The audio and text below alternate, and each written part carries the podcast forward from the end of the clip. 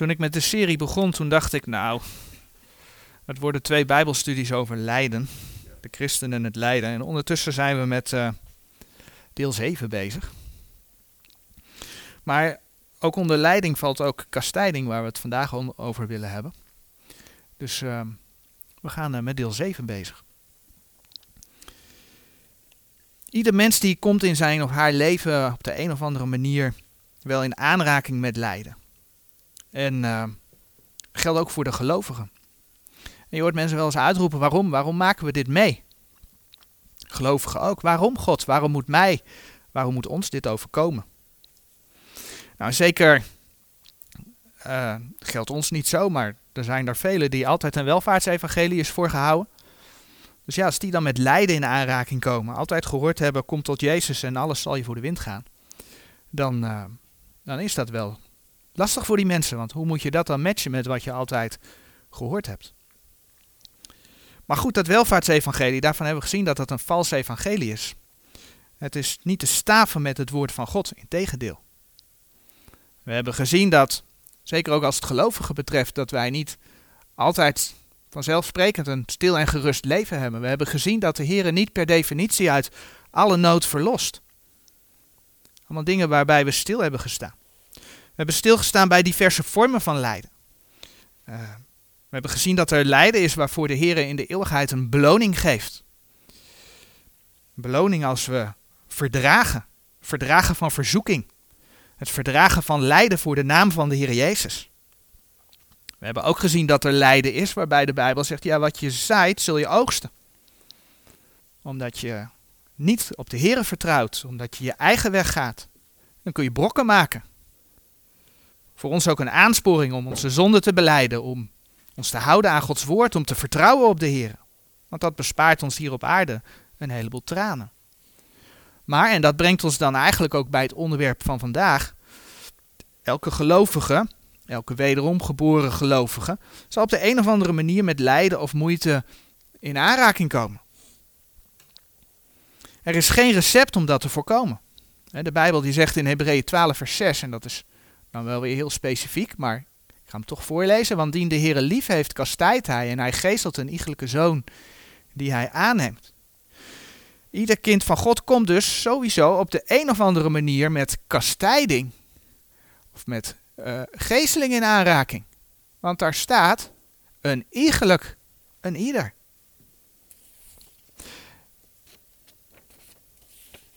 Wat overigens meteen een reden is om, als je het tegenkomt, alhoewel er zullen straks ook bij stilstaan, dat dat leidt tot verdriet. Maar als je het tegenkomt, mag je eigenlijk meteen de Heer danken. Want wat staat er? Die de Heer lief heeft, kastijdt hij. Je mag weten dat je dan een kind van God bent. Dat is een reden om dankbaar voor te zijn. Nou, de laatste studie hadden we stilgestaan bij ziekte. We hebben gezien dat ook gelovigen gewoon ziek kunnen worden. We hebben gezien dat de Heer God kan genezen. Maar dat we geen garantie hebben op het feit dat, dat we een gezond leven zullen hebben. We hebben stilgestaan bij die genezingsbedieningen. Dat die vals zijn. We hebben gezien dat de Heer Jezus genas omdat hij uh, een opdracht had. Te laten zien dat hij de beloofde Messias was. De profetieën gingen met hem in vervulling. De apostelen genazen omdat zij daarmee het woord bevestigden. Ik moet het anders zeggen, omdat de Heere daarmee door hen het woord bevestigde.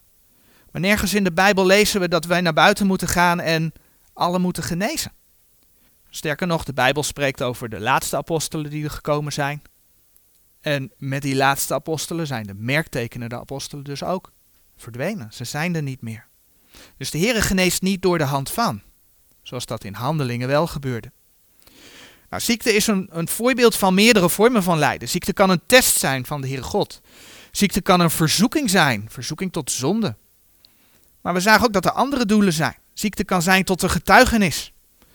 Kan het gevolg zijn van het feit dat we onder de zonde vallen, dat ons lichaam onder de zondeval valt. Maar ook kan het een gevolg zijn van een specifieke zonde in ons leven. We hebben een voorbeeld van het avondmaal aangehaald in 1 Korinthe 11, vers 30 tot 33. En gezien dat daar staat dat als je dat onwaardelijk, onwaardiglijk doet, dat je dan ziek kunt worden en zelfs kunt sterven. We hebben erbij stilgestaan dat je nooit zomaar kunt zeggen van, oh hij zal wel geen geloof genoeg hebben als iemand niet beter wordt als er gebeden, als er gebeden wordt bij een zieke. Dat je niet mag zeggen, oh hij zal wel gezondigd hebben. Dat kan niet, dat mag niet. We worden opgeroepen om er voor elkaar te zijn. Maar indien zonde wel de oorzaak is, dan spreekt de Bijbel, en dat hebben we de vorige keer al gezien, over tuchtiging. Tuchtiging, of met een ander woord, en dat brengt ons ook dus bij het onderwerp van vandaag, kastijding. En daar willen we dan eerst een stukje van lezen in Spreuken 3. Spreuken 3 vanaf vers 11.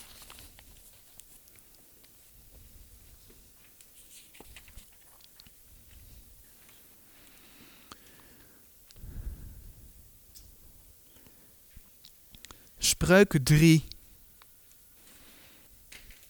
vanaf vers 11. Mijn zoon, verwerp de tuchten des Heren niet en wees niet verdrietig over zijn kastijding. Want de Heere kastijdt degene die hij lief heeft, ja, gelijk een vader de zoon in de welke hij een welbehagen heeft. Wel gelukzalig is de mens die wijsheid vindt en de mens die verstandigheid voortbrengt. Want haar koophandel is beter dan de koophandel van zilver en haar inkomsten dan het uitgegraven goud. Zij is kostelijker dan robijnen en al wat u lusten mag, is met haar niet te vergelijken. Langheid der dagen is in haar rechterhand, in haar linkerhand rijkdom en eer. Haar wegen zijn wegen der lieflijkheid en al haar paden vrede. Zij is een boom des levens, degene die haar aangrijpen en elk een die haar vasthoudt, wordt wel gelukzalig. Wat een mooi gedeelte in spreuken. En hoe toepasbaar voor de gemeente van de Heer Jezus. We weten dat we in het Oude Testament moeten oppassen met passages die te maken hebben met doet en gijzelt leven. Die gaan over geloof en werken om bij de Heer te komen. Voor passages die gaan over het houden van speciale dagen en eetrichtlijnen, omdat de Heer Jezus, zoals Efeze 2 vers 15 zegt, uh, de wet der geboden in inzettingen bestaande teniet gemaakt heeft. Colossense 2 vers 16 en 17 wijzen daar ook op. Daarvan mogen wij weten dat wij dat als leden van zijn lichaam niet hoeven te houden. Dat is het recht verdelen van Gods woord. Maar dat neemt niet weg dat wij wel kunnen leren van bijvoorbeeld de wet. Het is niet voor niets dat de apostel Paulus bijvoorbeeld zegt in 1 Timotheus 1 vers 8. Doch wij weten dat de wet goed is. Zo iemand die wettelijk gebruikt. Dat zegt de apostel Paulus. De wet is dus goed, alleen wij moeten deze op de juiste manier gebruiken. Hetzelfde geldt voor alles wat het volk Israël heeft meegemaakt. Het is ons als voorbeeld gegeven, zeggen 1 Korinthe 10 vers 6 en 11, die nu op de dia verschijnen. En zo mogen wij wel degelijk leren uit het Oude Testament. En zo ook uit spreuken. En hoe mooi is het dan om in Hebreeën 12. We gaan vandaag veel bij spreuken terugkomen, maar ook veel naar Hebreeën 12 toe. Dus als je op een of andere manier die gedeelte kunt vasthouden, dan is dat misschien handig. In Hebreeën 12 vinden we een gelijkluidende passage. En die willen we ook lezen vanaf vers 5.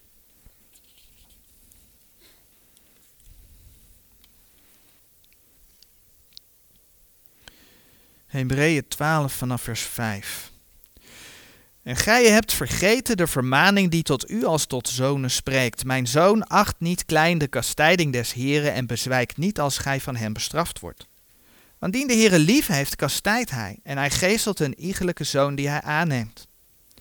Indien gij de kastijding verdraagt, zo gedraagt zich God jegens u als zonen. Want wat zoon is er, dien de vader niet kastijdt. Maar indien gij zonder kastijding zijt, welke alle deelachtig zijn geworden, zo zijt gij dan bastaarden en niet zonen. Voorts wij hebben de vaders onzes vleeses wel tot kastijders gehad en wij ontzagen hen, zullen wij dan niet veel meer de vader der geesten onderworpen zijn en leven? Want genen hebben ons wel voor een korte tijd, nadat het hun goed dacht gekastijd. Maar deze kastijdt ons tot ons nut, opdat wij zijner heiligheid zouden deelachtig worden. En alle kastijding, als die tegenwoordig is, schijnt geen zaak van vreugde, maar van droefheid te zijn. Doch daarna geeft zij van zich een vreedzame vrucht der gerechtigheid degene die door dezelfde geoefend zijn. Daarom richt wederop de trage handen en de slappe knieën, en maakt rechte paden voor uw voeten, opdat het geen kreupel is, niet verdraaid worden, maar dat het veel meer genezen wordt. Tot zover Hebreeën 12. Nu hebben we ooit bij stilgestaan dat Hebreeën aan de Hebreeën geschreven is. En er zijn diverse passages die ja, leerstellig, wat de leer betreft, duidelijk niet gaan over het evangelie der genade Gods voor de gemeente. Maar bijvoorbeeld over Israël. Israëls nieuwe verbond. En dan heb ik het bijvoorbeeld over passages als Hebreeën 6, vers 4 tot en met 8, Hebreeën 8, vers 8 tot en met 13. En zo zijn er veel meer in Hebreeën. En diverse passages slaan dan ook leerstellig op de Joden in de grote verdrukking. Echter, wanneer je in Hebreeën 12, vers 1, leest over de loopbaan die ons voorgesteld is, dan weten we dat dit ook in de brieven aan de gemeente voorkomt. Paulus die spreekt bijvoorbeeld over de, de loopbaan en dat ieder die om prijs strijdt zich in alles onthoudt. 1 Korinthe 9 vers 24 tot en met 27 en 2 Timotheus 2 vers 5 zegt bijvoorbeeld, en indien ook iemand strijdt, die wordt niet gekroond, zo hij niet wettelijk gestreden heeft. De loopbaan en die strijd is dus iets wat ook in de brieven aan de gemeente aan de orde komt. Zo gaat Hebreeën 12, vers 5 tot en met 12, zeg maar, vers 13, ook over de relatie tussen de vader en de zoon. De vader en een zoon. En ook dat heeft dus betrekking op ons als kinderen van God. En de vader-zoon-relatie die daar beschreven wordt in Hebreeën, die komt wel degelijk uit het Oude Testament. Zoals we zojuist in spreuken gezien hebben. En die brief richt zich aan de Hebreeën, aan de Joden. Maar uit bijvoorbeeld Romeinen 8, vers 1 tot en met 20, blijkt dat die principes gelden voor elk kind van God in deze bedeling. In Romeinen 8, vers 14 en 15 lezen we bijvoorbeeld. Romeinen 8, vers 14. Want zoveel als er door de geest Gods geleid worden, die zijn kinderen Gods.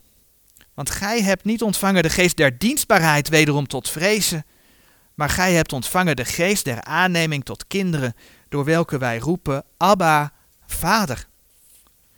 En de context van deze versen maakt duidelijk dat wij opgeroepen worden om niet naar het vlees, maar om naar de geest te leven. Omdat het anders consequenties heeft. En dat zie je in Romeinen 8 vers 5, in Romeinen 8 vers 6, Romeinen 8 vers 8, Romeinen 8 vers 12, Romeinen 8 vers 13. Eigenlijk dit gedeelte gaat daarover. Deze gedeelte in Spreuken en, en, en Hebreeën spreken dus over kastijding of over tucht. Maar wat is dat dan? Nou, het mag duidelijk zijn dat er een vergelijk getrokken wordt tussen een aardse vader die zijn, die zijn zoon kastijdt, of zoals Hebreeën 12 vers 5 zegt, bestraft. Dat staat in Hebreeën 12 vers 5. En kastijding is in principe een fysieke, of misschien moet ik, moet ik beter zeggen, een daadwerkelijke bestraffing. Weliswaar met als doel om iets te leren. Om iets te leren. En dat het om een bestraffing gaat, blijkt bijvoorbeeld ook uit Job 5, vers 7. Daar doet weliswaar een van Jobs, zeg het maar, slechte vrienden, hè, een van die vrienden die later door God berispt wordt, een toch zeer bijbelse uitspraak. Hij zegt, zie gelukzalig is de mens de welke God straft, daarom verwerpt de kastijding des Almachtigen niet. Dat is Job 5 vers 7. Immers, de Heere kastijdt die hij lief heeft, hebben we gelezen. In Jeremia 2 vers 19 zegt de Heer tegen Israël, uw boosheid zal u kastijden en uw afkeringen zullen u straffen. Weet dan en zie dat het kwaad en bitter is dat gij de Heer uw God verlaat. En mijn vrezen niet bij u is, spreekt de Heere der Heerscharen.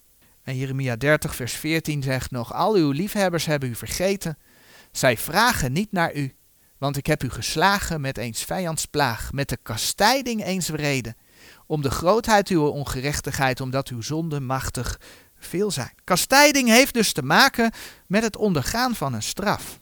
Nou, in een gezonde vader-zoon of vader-kind relatie zal de vader de zoon of het kind dikwijls moeten straffen. Dat hoort bij een stukje opvoeding. En gebeurt dat niet, dan kunnen er binnen een, een gezin rare situaties ontstaan. En Hebreeën 12, vers 7 zegt dan ook: Indien gij de kastijding verdraagt, zo gedraagt zich God jegens u als zonen. Want wat zoon is er, dien de vader niet kastijdt. Het hoort erbij. En het doel is dat het kind er iets van leert. In Spreuken 29, vers 15. Daar lezen we bijvoorbeeld.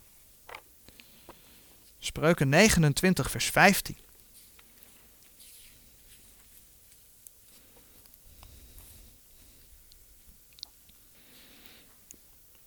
De roede en de bestraffing geeft wijsheid. Maar een kind dat aan zichzelf gelaten is, beschaamt zijn moeder. Van een bestraffing wordt een kind dus wijzer. Het leert ervan. Het groeit erdoor. En de Heere geeft zelfs het advies om daar zo snel mogelijk mee te beginnen. Als we terugbladeren naar Spreuken 13. Spreuken 13, vers 24. Dan lees je daar.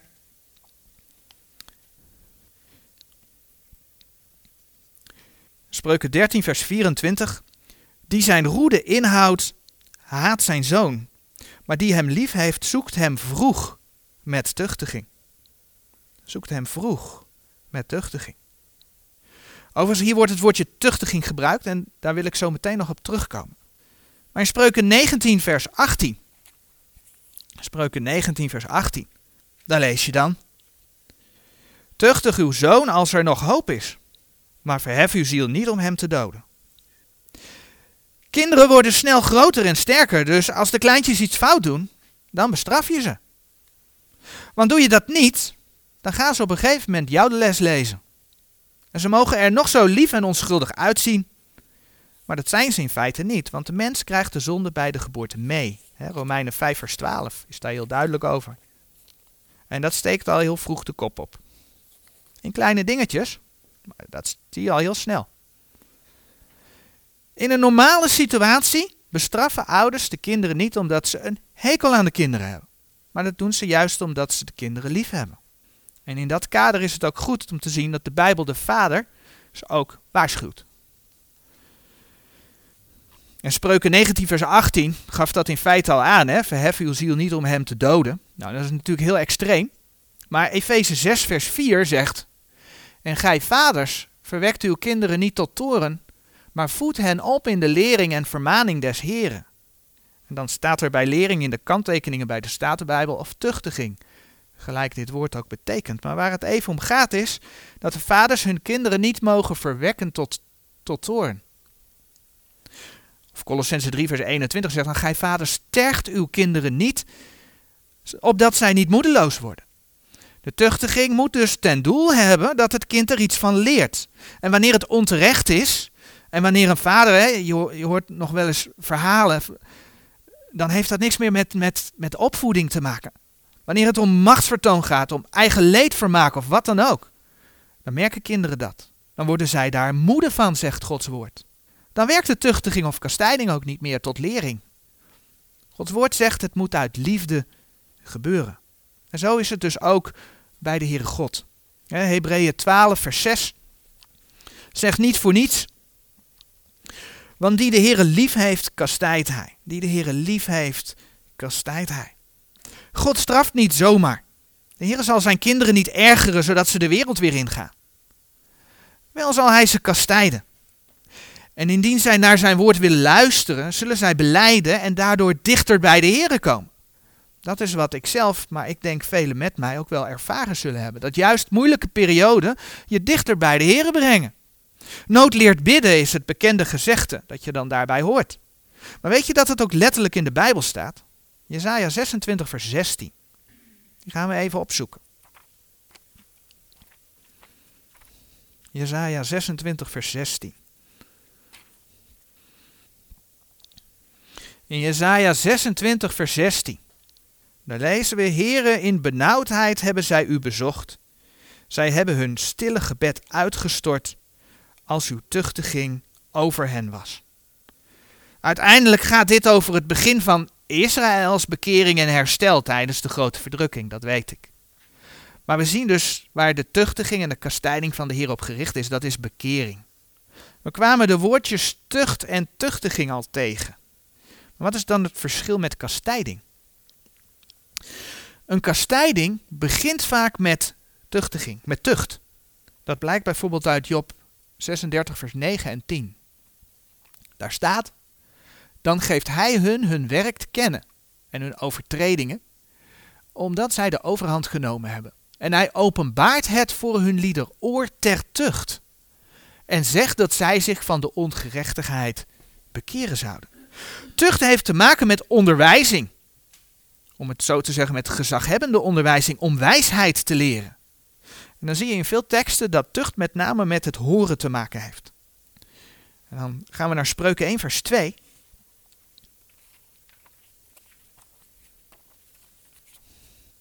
En dan zien we in dat vers dat Spreuken geschreven is, onder andere, want er gaan nog een paar versen over, maar we houden het even bij vers 2. Dat Spreuken geschreven is om wijsheid en tucht te weten, om te verstaan redenen des verstands. Dat Spreuken 1, vers 2. Tucht voel je in eerste instantie dus niet zozeer, maar tucht kun je weten. In Spreuken 1, vers 8 lees je bijvoorbeeld: Mijn zoon, hoor de tucht uws vaders en verlaat de leer uw moeder niet. Dit gaat weer over de aardse opvoeding. Maar Spreuken vergelijkt dat met de opvoeding die wij krijgen van de Heer. Want in Spreuken 8, een hoofdstuk dat gaat over de eeuwige wijsheid. En die eeuwige wijsheid, dat is de Heer Jezus. Dat lees je bijvoorbeeld in Spreuken 8, vers 22 en Spreuken 8, vers 27. Dat de Heer Jezus bij de schepping aanwezig was. Dat is de eeuwige wijsheid. En dan worden we opgeroepen om naar Hem te luisteren. In Spreuken 8, vers 32 staat bijvoorbeeld: Nu dan, kinderen, hoort naar mij, want wel gelukzalig zijn zij die mijn wegen bewaren. Nu dan, kinderen, hoort naar mij, want wel gelukzalig zijn zij die mijn wegen bewaren. En Spreuken 8, vers 33 gaat daar dan als volgt verder. Hoort de tucht en wordt wijs en verwerpt die niet. En in Jeremia 35, vers 13, die tekst verschijnt op de dia. Daar lezen we. Zo zegt de Heere der Heerscharen, de God Israëls, ga heen en zeg tot de mannen van Juda en tot de inwoners van Jeruzalem, zult gij lieden geen tucht aannemen dat gij hoort naar mijn woorden, spreekt de Heere. Uiteindelijk heeft het luisteren naar tucht dus te maken met gehoorzaamheid aan het woord van God. Tucht gaat vooraf aan kastijding. Door tucht zou kastijding in feite voorkomen kunnen worden. Zij het niet dat ons vlees vaak uh, heel hard aan ons trekt. Ik bedoel, Paulus is daar duidelijk over dat als ik het goede wil doen, is het kwade mij nabij. Vandaar dat ook iedere uh, kind van God in aanraking komt met kastijding. Dat is eigenlijk wat Gods woord zegt. Maar door tucht, door Gods woord, zou je dus kastijding kunnen voorkomen. Maar tuchtiging, wat is tuchtiging dan? Tuchtiging kan dus een terechtwijzing zijn aan de hand van het woord van God. Maar ook een corrigeren door middel van straf. En dat zien we dan in Gods woord, dat tuchtiging soms al wel te maken heeft met straf. In Spreuken 7, vers 22, daar lees je bijvoorbeeld. Spreuken 7, vers 22. Hij ging haar straks achterna, gelijk een os ter slachting gaat, en gelijk een dwaas tot de tuchtiging der boeien. Nou gaat het hier niet zozeer even om de hele context, maar met name om dat stukje gelijk een dwaas tot de tuchtiging der boeien. Bij boeien gaat het dus wel degelijk om een daadwerkelijke straf. En daarin zien we dat het woord tuchtiging eigenlijk synoniem is met kastijding. Nou, een voorbeeld van kastijding vinden we natuurlijk in het volk Israël. Toen zij door de woestijn gingen naar het beloofde land, mopperden ze, iedere keer weer. Ondanks de wonderen die ze in Egypte gezien hadden. Ondanks dat de Heer onderweg voor hen zorgde. Ja, en God moest straffen. In, in Deuteronomium 8, en dat gedeelte zoeken we op. Deuteronomium 8, vers uh, eh, 1 tot en met 6, lezen we daarover. En natuurlijk zijn daar meerdere gedeelten, maar we gaan een stukje uit Deuteronomium 8 lezen. Deuteronomium 8 vanaf vers 1. Alle geboden die ik u heden gebied, zult gij waarnemen om te doen, opdat gij leeft en vermenigvuldigt en inkomt en het land erft dat de Heere uw vaderen gezworen heeft. En gij zult gedenken aan al de weg die u de Heere uw God deze veertig jaar in de woestijn geleid heeft, opdat hij u verootmoedigde, om u te verzoeken, om te weten wat in uw hart was, of gij zijn geboden zoudt houden of niet. En hij verootmoedigde u, en liet u hongeren, en spijsde u met het man, dat gij niet kendet, nog uw vaderen gekend hadden, opdat hij u bekend maakte dat de mens niet alleen van het brood leeft, maar dat de mens leeft van alles wat uit de, des Heeren mond uitgaat. Uw kleding is aan u niet verouderd, en uw voet is niet gezwollen deze veertig jaar. Beken dan in uw hart dat de Heer uw God u kastijdt, gelijk als een man zijn zoon kastijdt. En houd de geboden des Heeren uw Gods om in zijn wegen te wandelen en om hem te vrezen. Dat is Deuteronomium 8, vers 1 tot en met 6. In het beloofde land. De heren moesten dus kastijden onderweg. In het beloofde land ging dat niet beter. Het volk diende veelal de afgoden. En zo mocht de profeet Jeremia, en laten we ook dat opzoeken. Mocht de profeet Jeremia in Jeremia 6 vers 8 het volk toeroepen. Jeremia 6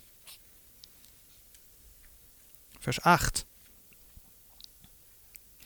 Laat u tuchtigen Jeruzalem, opdat mijn ziel van u niet afgetrokken worden, opdat ik u niet stelle tot een woestheid en tot een onbewoond land.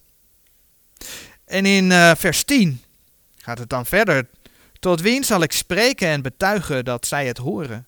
Zie, hun oor is onbesneden, dat zij niet kunnen toeluisteren. Zie, het woord des Heren is hun tot een smaad, zij hebben geen lust daartoe. Zij namen de tucht niet aan, kun je ook lezen in Jeremia 7, vers 28. Zij luisterden niet naar zijn woord. En in Jeremia 5, vers 3, een hoofdstuk eerder, daar zegt de profeet. O Heere, zien uw ogen niet naar waarheid? Gij hebt hen geslagen, maar zij hebben geen pijn gevoeld. Gij hebt hen verteerd, maar zij hebben geweigerd de tucht aan te nemen. Zij hebben hun aangezichten harder gemaakt dan een steenrots. Zij hebben geweigerd zich te bekeren. Wij weten dat het volk in ballingschap is gekomen. Maar veel van wat de profeten zeggen verwijst ook naar de grote verdrukking. En Israël is na het verwerpen van de Messias opnieuw in de verstrooiing gekomen. En de profeet Zevanja, bladeren we verder naar Zevanja, die spreekt Israël over de eindtijd toe.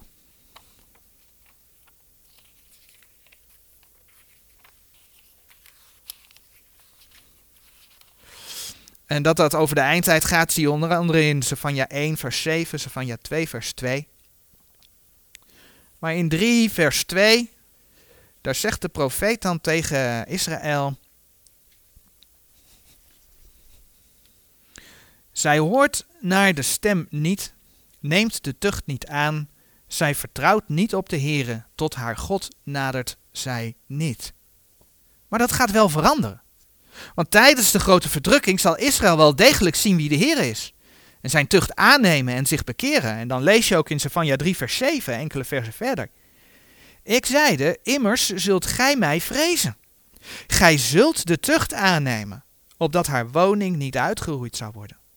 Al wat ik haar bezocht heb, waarlijk, zij hebben zich vroeg opgemaakt, zij hebben al hun handelingen verdorven. Maar daar staat dus, immers zult gij mij vrezen, gij zult de tucht aannemen. Dus het gaat wel gebeuren. En Sefania 3 vers 11 en 12 die zeggen dan ook, te dien dagen zult gij niet beschaamd wezen vanwege al uw handelingen waarmede gij tegen mij overtreden hebt. Want als dan zal ik uit het midden van u wegnemen uh, die van vreugde opspringen over uw hoofdvaardij. En gij zult u voortaan niet meer verheffen om mijns heilige bergs wil. Maar ik zal in het midden van u doen overblijven een ellendig en arm volk. Die zullen op de naam des Heren betrouwen.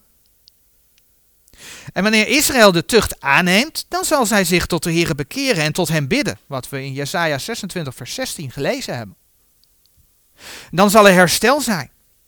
Nou, als je dan bedenkt dat God Israël, daar hebben we bij Gods plan ook bij stilgestaan, de zegen en de vloeken heeft voorgehouden, dan zie je dus dat die vloek ook een duidelijk doel heeft. Namelijk het tot bekering brengen van het volk Israël. Dat zou je ook na kunnen lezen in die teksten Deuteronomium 4 vers 29 en 30. Nou, waarom behandelen wij dat onderwerp kastijding binnen het thema de christen en het lijden? Omdat kastijding niet leuk is. De Bijbel is daar ook heel duidelijk in. Eh, Hebreeën, het gedeelte wat we gelezen hebben, zegt in Hebreeën 12, vers 11.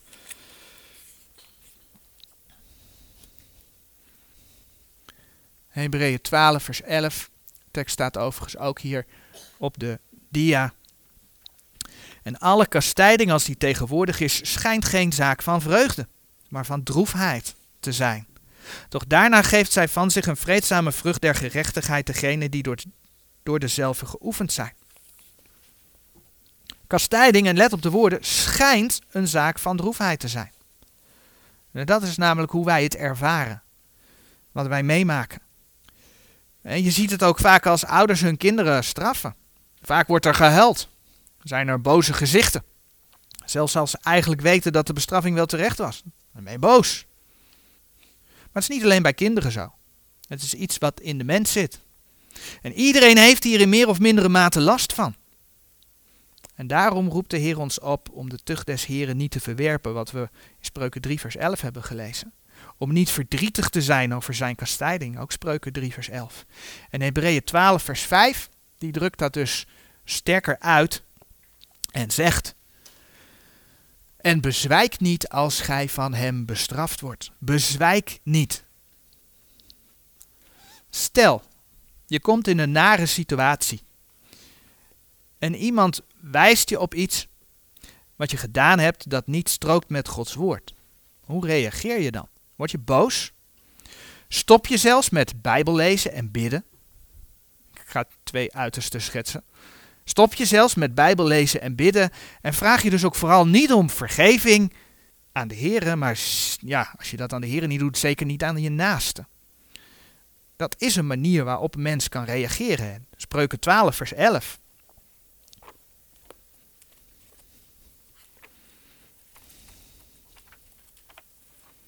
Spreuken 12, vers 11 zegt dan.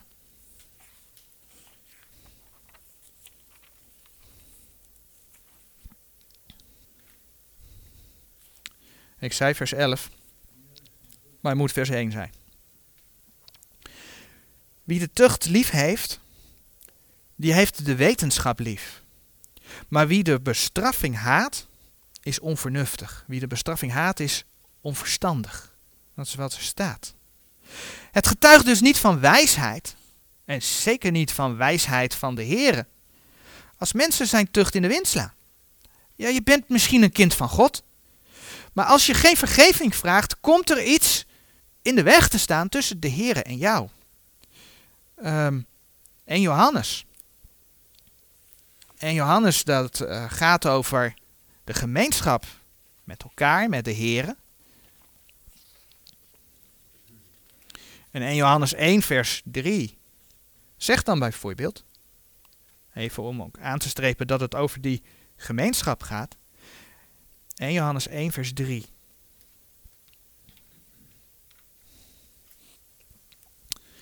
Het, hetgeen wij dan gezien en gehoord hebben, dat verkondigen wij u, opdat ook gij met ons gemeenschap zoudt hebben.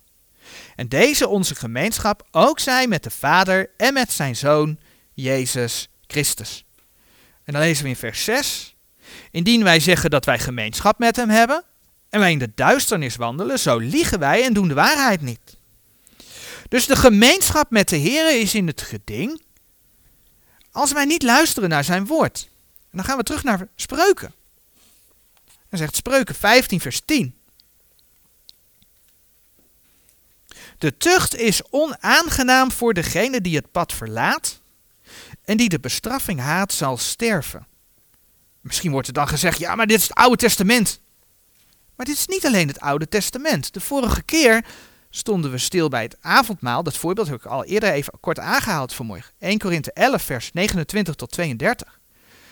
Dat er dus uh, mensen ziek werden omdat ze on, uh, uh, op een onjuiste manier aan het avondmaal gingen. Zelfs mensen stierven, staat er in dat gedeelte.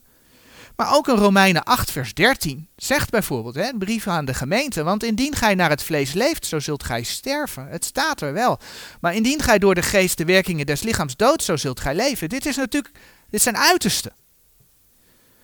Maar Spreuken zegt dus, Spreuken 15, vers 10, de tucht is onaangenaam voor degene die het pad verlaat en die de bestraffing haat zal sterven. Dus dit is niet specifiek Oude Testament. Dit kom je ook in de brieven aan de gemeente tegen. En nee, een kind van God kan niet verloren gaan. Als het hier om leven en sterven gaat, heeft het dus niets met behoud te maken. Indien iemand in Christus is, is iemand zeker van zijn behoud. Maar dat neemt niet weg dat je als gelovige uit de gemeenschap met de Heer kan raken. En dat het dus zelfs zover kan komen dat hij thuis haalt. Dat staat dus zelfs in de brief aan de gemeente. En dan zegt Spreuken 4 vers 13. Spreuken 4, vers 13. Grijpt de tucht aan, laat niet af, bewaar haar, want zij is uw leven.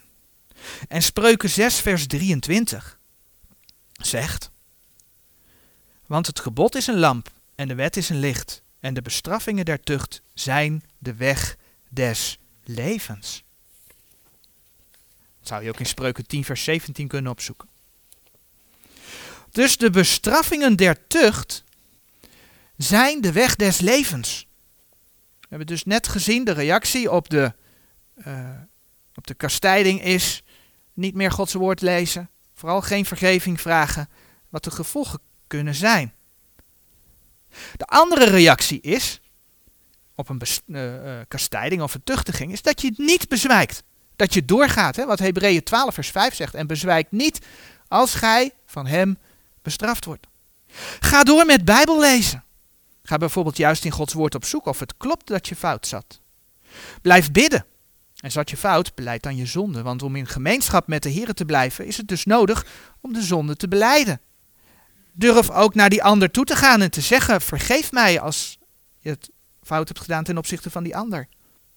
En in dat geval kun je, net als Israël in de toekomst, zeggen dat de nood, in dit geval kastijding, je dichter bij de Heer heeft gebracht. Jezaja 26, vers 16. Heer, in benauwdheid hebben zij u bezocht, zij hebben hun stille gebed uitgestort als uw tuchtiging over hen was. En dan hoor je zo nu en dan nog wel eens hier en daar beweren dat als je wederom geboren bent, dan hoef je geen vergeving meer te vragen. Want de Heer Jezus heeft alles voor ons al weggedaan. Maar zie je hoe gevaarlijk dat is? Want je raakt, dan uit de gemeenschap met de Heer. Ja, je, je komt los te staan van Hem. En we hebben net gelezen waar dat zelfs toe kan leiden. Eigenlijk, op het moment dat je dus geen vergeving vraagt, uh, uh, vraag je de Heer eigenlijk om je meer te kastijden ook. Want als Hij je lief heeft, zal Hij je proberen op het rechte pad te brengen. En als je dan Spreuken 28, vers 13 ziet, dan zie je ook hoe mooi dat daar weer bij past. Spreuken 28, vers 13.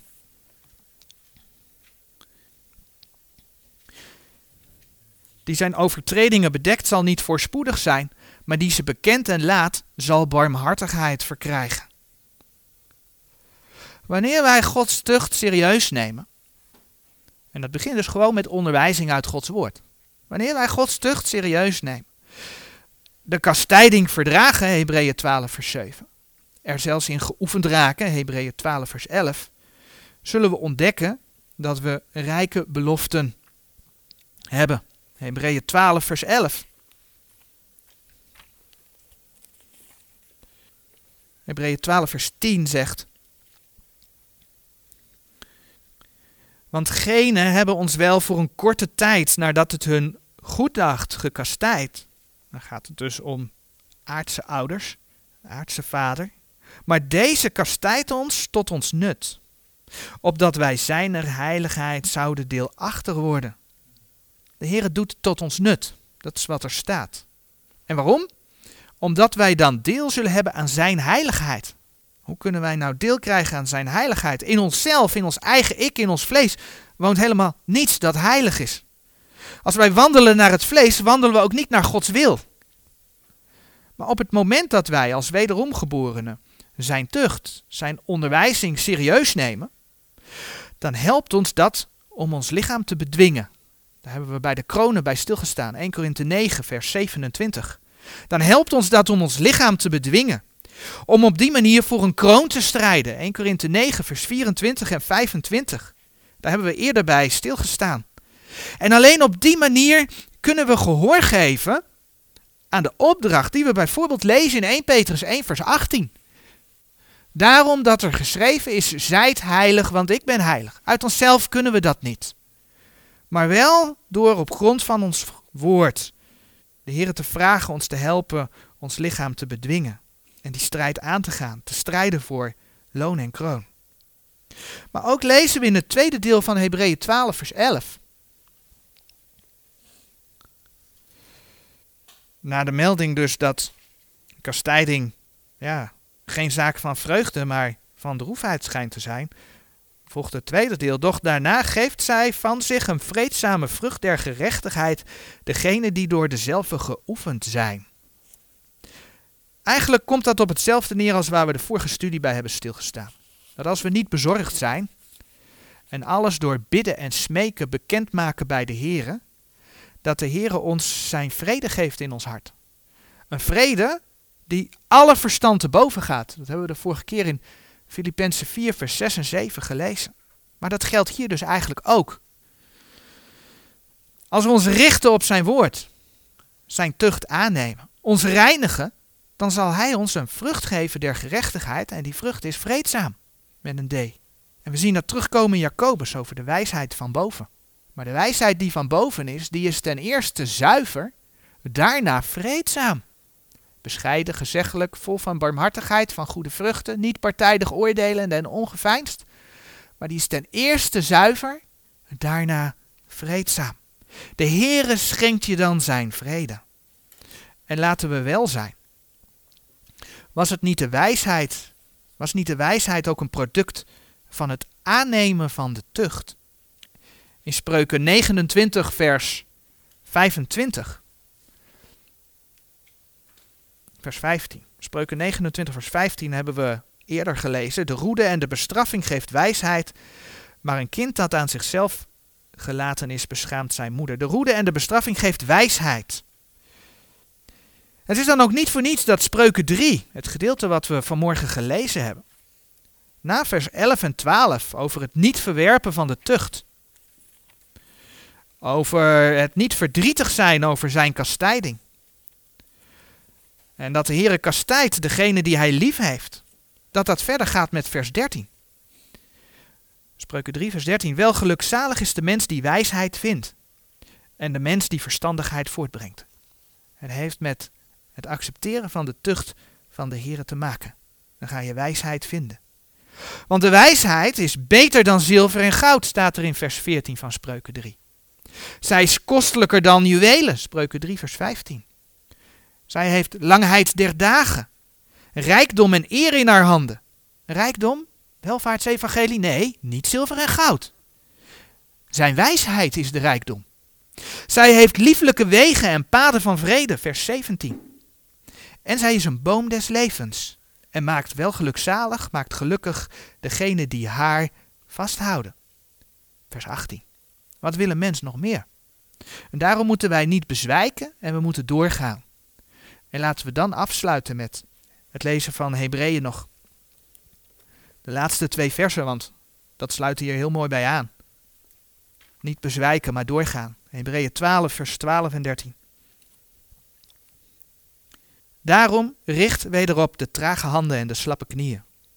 En maakt rechte paden voor uw voeten, opdat het geen kreupel is, niet verdraaid worden, maar dat het veel meer genezen worden. Tot zover voor vandaag.